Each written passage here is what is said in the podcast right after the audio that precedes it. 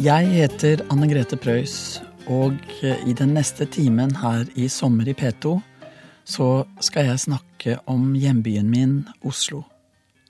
Som er både et sted og en tilstand i meg. Og så skal jeg spille litt musikk. Oslo har vært hjembyen min i 35 år. Og heldigvis er jeg skikkelig glad i denne kompakte byen som også har fjord og skog innenfor rekkevidde dersom trangen skulle være der. Den har vennlige parker og muligheter for å forsyne seg av livets gleder pakket inn i matpapir eller utstyrt med Michelin-stjerner. Hjembykjærligheten er en verdifull kjærlighet som holder livet sammen. Eller hjemstedskjærligheten, kanskje. Jeg har bodd på flere kanter av byen min, og liker både den kriblende følelsen i bakgatene på østsiden av byen, der nye Oslo-borgere gjerne havner når de ankommer, om det er fra Lillestrøm, som jeg gjorde når jeg var 19 år, eller fra Mogadishu. Her er verden ny og gammel på en gang. Jeg har også holdt til under et prominent tuntre i en villa fra 1880-årene i et av byens mest etablerte strøk og vært like glad i det i 17 gode år. Tigerstaden, hovedstaden, stadig gjenstand for distriktenes sunne og usunne skepsis. Det viktigste med Oslo for meg er at det er hjemby. Jeg hører til. Jeg holdt meg fast i hushjørnene på vei hjem fra altfor seine fester i 20-årene. Jeg har bodd på Nordli bokhandel i Universitetsgata i regntunge, ensomme sommerdager. Hatt tre strake, fulle hus på Rockefeller i Torgata. Jeg har kjøpt to flasker rødvin over disk ved midnatt i en kinarestaurant ved rundkjøringen på Bislett for å holde liv i en fest en sein sommernatt. Hatt ulidelige, spennende stevnemøter ved et spesielt tre i Frognerparken og sittet uvirkelig forgjeves og ventet og ventet på en benk i samme park. Jeg har mistet alt på et hjørne av Nordrocks gate, midt i livet, og kjent det begynne på nytt igjen på en spasertur i Vår Frelsers gravlund lenge etter fylte 50. Nå har jeg en ungdommelig kaffebar 100 meter fra inngangsdøren min, dagligvaresjappe oppe i gaten og jeg ser skolebarna myldre forbi på vei til framtid og kunnskap på Uranienborg skole. Og jeg hører og ser kirketårnet oppe på høyden fra min lille veranda, og vet at REM har rett. Sweetness follows. Min landsby heter Briskeby, men det holder egentlig med Riddervolls plass for meg. På Riddervolls plass troner Johan Sebastian Welhaven. Øverst på den lille gressletten sitter han på sokkel, tenksom med høyrearmen innenfor jakka som en annen romantisk helt, og ser resignert ned for seg. Welhaven tapte. Wergeland var på parti med framtida både når det gjaldt synet på litteraturen og kunsten, og det norske samfunnet med verdier som mangfold og modernitet. Noen syns kanskje den tause mannen på Riddervolls plass tapte vel ettertrykkelig, og at vi har manglet respekt for de formelle og høyeste idealer. Welhaven-Wergeland-striden gjaller kanskje fortsatt i bygatene i Oslo. Men min årsak til å kaste et takknemlig blikk bort på Welhaven nesten daglig, på vei til et eller annet, er at jeg hyller ham som den kompetente motstander. Den med meningers mot som tør å utfordre den kompakte majoritet. Den er nemlig like skummel og autoritær, selv om det ligger god og kanskje den beste vilje bak. Alt vi tar for gitt, og det er vanvittig mye. Hele vår kultur oppfatter vi som gitt, som premiss. Men alt dette er valg, resultat av maktkamp, som den mellom Welhaven og Wergeland. Når jeg møter noe jeg tenker snur verden på hodet, kan det være en mulighet til å bli minnet på dette. En sang fra performanceartist Anthony Hegarty, som i mange år hadde et marginalt publikum på Lower East Side i New York, men har brukt fremmedheten han har kjent i verden, til å skape vakre estetiske uttrykk, og ikke minst fortelle og uttrykke en inderlig og ydmyk styrke som får meg til å tenke på fremmedheten i meg selv. I fjor ble hjembyen min en annen i slutten av juli. Regjeringskvartalet ble en slagmark av knust glass og et bombekrater. Byen ble en slagmark. Av blomster. Solfylte sommerdager betydde noe annet enn letthet og frivolitet. Nummenhet, utrygghet, sinne og sorg og sjokk bodde i solstrålene. Den 26. juli fant jeg et dikt under et tre på en morgentur i Slottsparken, der noen hadde tent lys og lagt blomster, som så mange andre steder i byen. Diktet var elegant og enkelt og vippet mellom poesi og praksis, for det var stukket inn i en fyrstikkeske. Det sto Hvis lyset slukner, vær så snill og tenn det igjen. Jeg syns Oslo i disse dager er en god by å leve i, for de aller fleste. Det er en snill by, ikke særlig farlig, ikke særlig utfordrende, selv om det selvfølgelig fins unntak. Det har vi fått erfare også i sommer, med mange som ønsker å få del i velstanden. Men Oslo er ingen nådeløs by som New York eller Kairo. Det har vel ikke alltid vært sånn, Hamsuns tilstandsroman Sult fra 1890 starter med de udødelige ordene Det var i den tid jeg gikk omkring og sultet i Kristiania, den forunderlige by som ingen forlater før han har fått merker av den.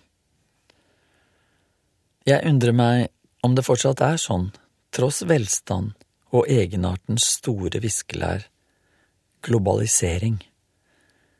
Jeg hørte nylig en pensjonert norsk politiker kaller nordmenn for Guds utvalgte folk, slik vi er velsignet med det gode og skånet for de fleste prøvelser.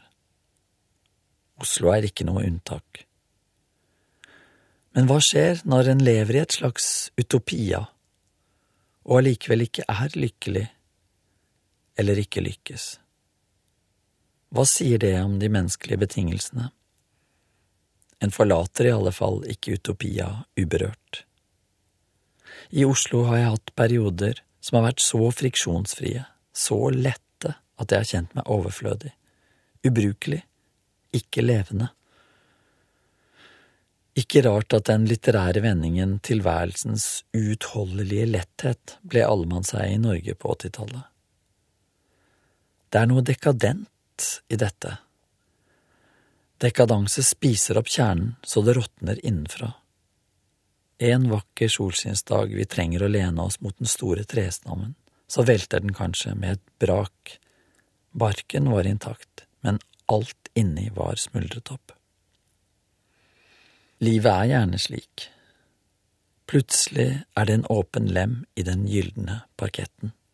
Et svik, sykdom, en uakseptabel erkjennelse og vi skyves ut mot kanten, eller faller.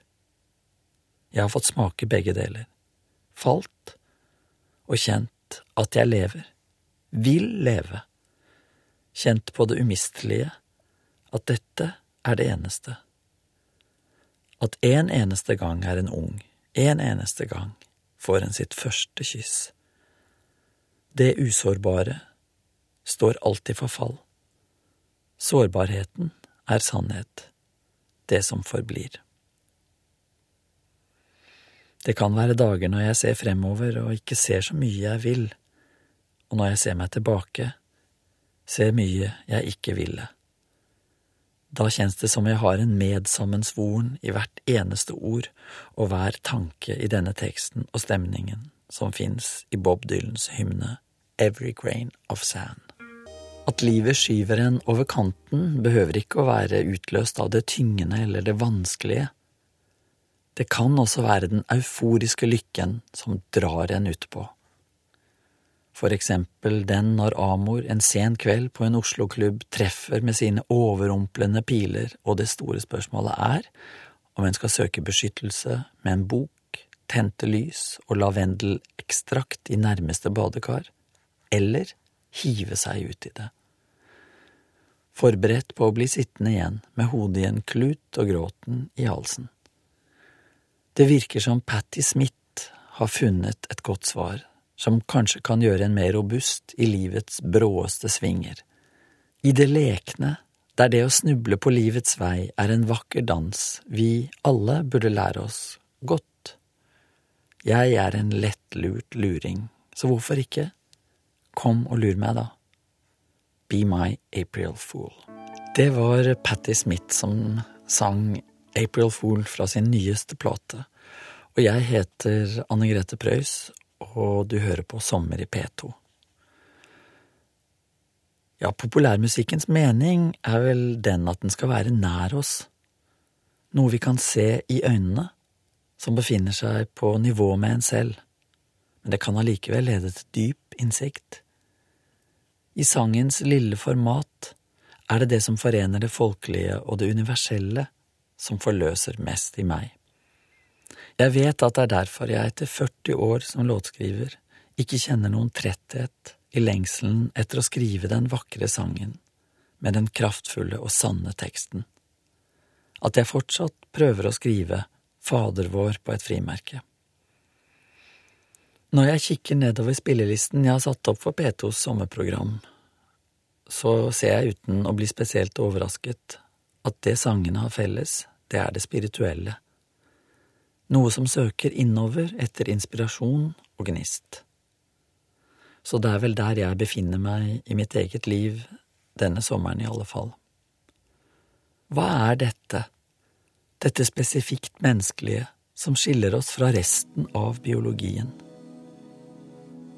Det bor oftest i manglene, i det vi ikke har, ikke forstår, i det vi savner.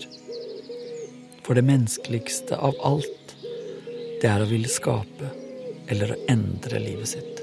Nå hørte vi noe av eh, Kate Bush sin plate Ariel, A Sky of Honey. Og for den som skulle lure, så lager Kate Bush fortsatt fantastisk musikk. Jeg har nevnt kirketårnet på Uranienborg, som spidder himmelen og rager over oss alle som bor her på Briskeby i Oslo. Det kan være mange grunner til å rusle opp kirkebakken i den øverste delen av Skåveien, og årsakene kan endre seg gjennom livet. Jeg håper at kirken der oppe forblir åpen for alle slags trostemperaturer. Og for den som liker sen kveldssol, så har jeg gleden av å fortelle at området ved Uranienborg kirkes nordlige hjørne har noe av den seneste kveldssolen i hele Oslo. Der så jeg i fjor en ung mann som i sin ensomme majestet, med medbrakt, romslig vinglass, tok farvel med sommerdagen som svant. Det er alltid inspirerende å oppleve andre som søker tilhørighet i byens velsignede solitude. Han skal få et takk som minnet om den alltid gjestfrie ensomheten. Her med den islandske gruppa Sigurd Ros og deres høyloftede takk. Når jeg ser små, gamle trehus på østsiden av Oslo, på Kampen, Vålerenga, eller gjengremt i en sidegate på Frogner, gjerne med et stort bygg fra 60-70-tallet som nabo, tenker jeg at uttrykkene på bygninger, biler og også oss mennesker er blitt brutalisert den siste delen av forrige århundre. Solbrillene er digre skjermer, som om vi har noe viktig å beskytte, oss selv, egoene våre. Bilene også. Plassere en moderne SUV ved siden av en folkevognboble fra 1960-tallet. Så kan det se ut som vi har mistet vår refleksjon over det å ta plass og være prangende, skrytende. Because I'm worth it. Jantelovens vrengebilde. På et sted nede ved fjorden rett utenfor Oslo som heter Båtsstø, ligger det små margarinkassehytter satt opp rett etter krigen side om side med påbygde oljekronehytter. De sistnevnte savner de opprinnelige hyttenes beskjedenhet, der husene glir inn i naturen og nesten ber om lov til å stå der. Det er noe breialt og ufølsomt ved nåtidens uttrykk. Musikken jeg elsker, rocken med alle sine ansikter, er også en del av dette, brautende, hensynsløs og selvsentrert. Men det elegante lever også, gjerne lenger, om enn ikke like heftig på hitlistene.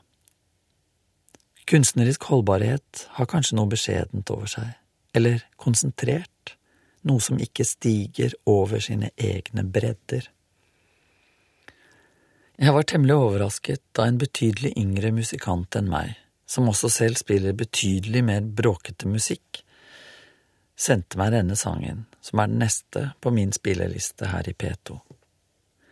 Denne fine innspillingen ligger langt fra det pompøse, brautende eller vulgært sentimentale. Den kommer gjennom med noe viktig og vakkert, som jeg, da jeg var ung, var altfor forutinntatt til å akseptere. Carpenters var forrige generasjons musikk. Den er forferdelig per definisjon. Det måtte settes et gjerde mot den. Men gjerder råtner fortere enn kvaliteten, som skinner i Carpenters innspilling av We've Only Just Begun. He not busy getting born is busy dying, synger Dylan i den siste sangen på min spilleliste i dag. Hver morgen er en ny begynnelse. Hver gang en reiser seg, hver gang en sier unnskyld til seg selv eller andre, hver gang en ny tanke demrer, hver gang jeg forsvinner ut porten fra bygården min ved Riddervolls plass og ut i Oslo-virvaret. Forbi Welhavens melankolske blikk, under Uranienborgs høye kirketårn, der denne lille rundturen i Oslo som sted og tilstand startet, og på vei ut til noe ukjent, busy getting born. Det varer livet ut, tror jeg, til siste åndedrett. Takk for meg og ha fortsatt en fin sensommer. Verden er ennå usett.